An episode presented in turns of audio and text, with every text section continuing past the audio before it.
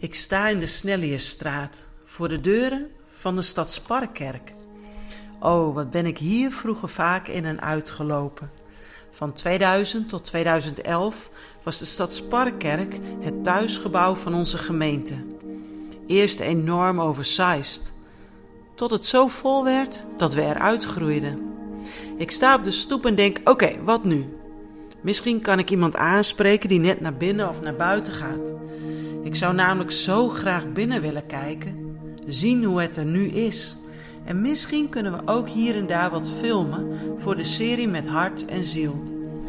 Deze serie maak ik als een cadeau voor onze gemeente.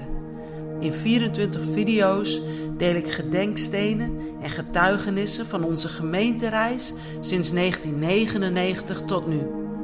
Zo wil ik graag iets moois in ons midden leggen nu ik stop als aanbiddingsleider na 24 jaar. Terwijl de cameraman die met me mee is nog even wat spullen uit de bus pakt, sta ik daar dus, een beetje heen en weer te drentelen. Het is een spontaan bezoek. Ik had onze komst niet aangekondigd aan de internationale theologiestudenten die er wonen. Ik wist niet hoe ik dat kon doen. Na een aantal minuten wachten zie ik nog steeds niemand. Helaas. Oké, dan maar aanbellen. Zal ik wel? Zal ik niet? Ik wil niemand tot last zijn. Wat nou als het helemaal niet kan? Als we ongelegen komen? We kunnen ook wel gewoon buiten blijven en daar filmen. Nee, kom op. Dit kun je. Je kan toch gewoon vriendelijk vragen? Kom op, doe maar. Dan druk ik hier en daar op een bel, tot er iemand over de intercom antwoord geeft. Ja, we mogen naar binnen en we mogen filmen. Eenmaal binnen merk ik dat het meer met me doet dan ik had verwacht. Al in de hal, bij het zien van de bekende Bijbeltekst gemaakt met stenen in de witte muur. En dan loop ik de zwarte traptreden op naar boven. Elke traptrede heeft een witte stip aan weerszijden. Is ook zo. De lift, de blauwe glas in loodramen, het plafond. Hoewel er door de ingebouwde appartementen ook veel veranderd is, voelt het toch heel vertrouwd.